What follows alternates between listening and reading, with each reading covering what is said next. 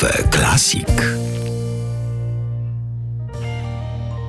To było ogromne wyzwanie aktorskie i nadal jest oczywiście, ponieważ spektakl ciągle żyje i ciągle coś nowego wprowadzamy, nową energię, nowego siebie jako człowieka e, do spektaklu.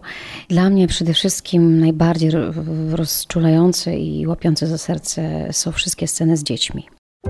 Kiedy mówimy o dzieciach e, w obliczu II wojny światowej i właściwie w ogóle wojny, zaraz natychmiast rozrywa się serce od środka i, pojawia się pytanie, dlaczego dzieci muszą widzieć to wszystko i dlaczego musiały dzieci przeżywać to, co przeżywały w trakcie II wojny światowej. Mm, myślę, że zarówno dla mnie, jak i dla całej ekipy realizatorskiej, najważniejsze tutaj w tym spektaklu było pokazanie Ireny Sendlerowej jako człowieka z krwi i kości, jako kobiety takiej jak inne kobiety, która walczyła jedynie o to, by było normalnie, by dzieci mogły żyć lepszym życiem i właściwie wszyscy ludzie, a szczególnie Żydzi w tamtych czasach.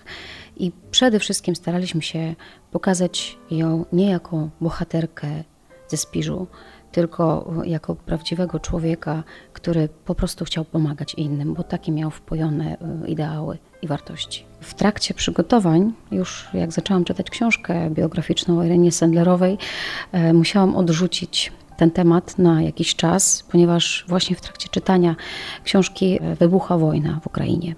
Ja sama pochodzę z Ukrainy, moi rodzice nadal tam mieszkają, mój brat z rodziną też tam są, chociaż przez e, cztery miesiące tutaj bratowa z dziećmi przebywała u nas w trakcie właśnie przygotowań do premiery.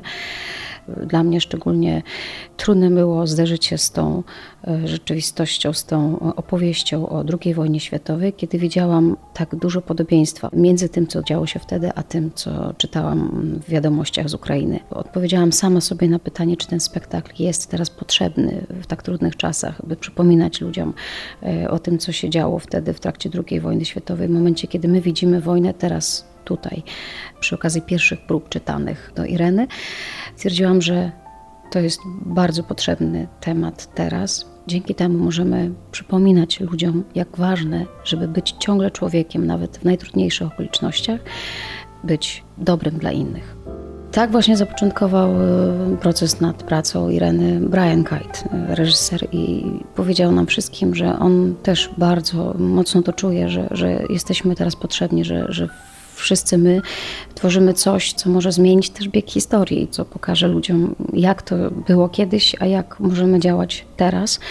I ze łzami w oczach e, opowiadał historię zespołowi już w trakcie tych pierwszych przelotek, e, takich prób, powiedzmy, że prawie że generalnych.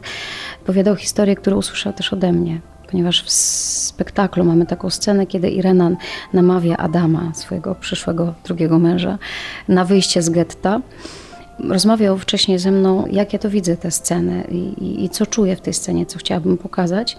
Więc ja mu przytoczyłam moją rozmowę z moim bratem przez telefon, kiedy mówiłam mm, mojemu bratu, chłopaku, zabieraj rodzinę, pakuj się i, i uciekaj stamtąd. To było jakoś jeszcze w marcu. Mówiłam, to nie jest żadna zdrada, to, to żaden wstyd tylko po prostu musisz ratować siebie i dzieci. To jest przede wszystkim najważniejsze. I mój brat na to odpowiedział, że, że on nie, nie ucieknie stamtąd, nie wyjedzie, ponieważ tam jest jego dom, jego wszystko, jego rodzice, czyli nasi rodzice wspólni, którymi musi się opiekować i on po prostu nie wyjdzie nie wyjedzie stamtąd.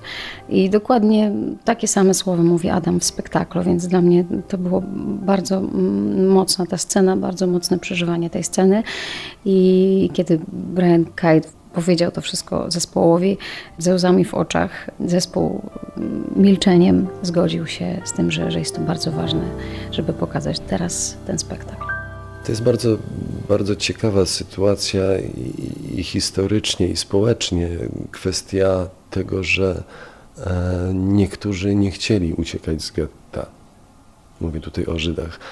E, niektórzy chcieli tam e, zostać z różnych względów, ze względów religijnych na przykład. Ja akurat gram Adama, który jest Żydem, jest ukochanym Ireny Sendlerowej. I on rzeczywiście z tych względów religijnych, ze względów rodzinnych, ze względów przywiązania do swojego narodu, nie chce uciekać z getta, chce tam zostać. Irena go wyciąga z getta. Myślę, że to również zaważyło na późniejszych relacjach między tymi postaciami. Później się rozeszli.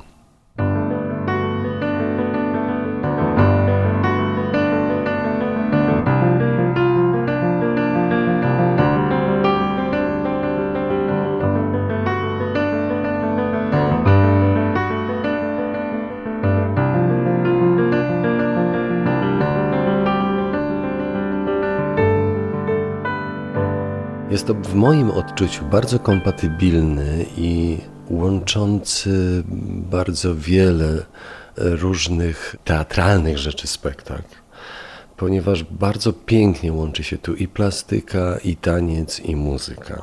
O to zadbali wszyscy realizatorzy, żeby to było bardzo spójne. Też taki naczelny sposób, naczelne spojrzenie, do którego pchał nas reżyser, który wymyślił to, że chciałby, aby opowiedzieć tę historię pani Ireny Sendlerowej z perspektywy małego dziecka jest tutaj jakby najważniejsze.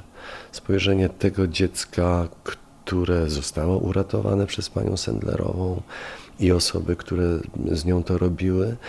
To jest spojrzenie współczesnego dziecka e, na tę całą sytuację, na czas wojny, na czas działalności pani Ireny, ale również na te czasy powojenne. Historia jest powszechnie znana, chociaż wydaje mi się, że w Polsce bardziej znaną jest postać Korczaka niż Ireny Senderowej. Ale ostatnie lata pokazały, że e, mamy w naszej historii wiele, wiele postaci godnych tego, aby o nich pamiętać. Taką postacią jest niewątpliwie pani Irena Sendlerowa, a pamiętać o nich należy ponieważ dzięki nim jesteśmy po prostu lepszymi ludźmi. I wydaje mi się, dlatego warto po prostu przyjechać do Poznania, przyjść do teatru muzycznego i, i wspólnie przeżyć tę historię pani Ireny Sandlerowej i tych dzieci, które uratowała, i historię tego wszystkiego, co dotyczy nas, Polaków, a co jest związane jakby z tamtym okresem i co, o czym mówiliśmy już wcześniej, wiąże się także z dniem dzisiejszym. Warto zobaczyć ten spektakl, bo jest to bardzo, bardzo i pięknie człowieczy spektakl. Życie ucieka, życie ucieka dzień za dniem.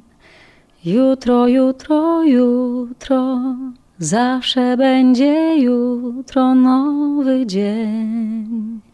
Znów noc, znów dzień i czekamy na cud. W głowie szum, w sercu lód, licząc, że zacznie się nowy dzień. To jest część naszego finału. Kafe Klasik.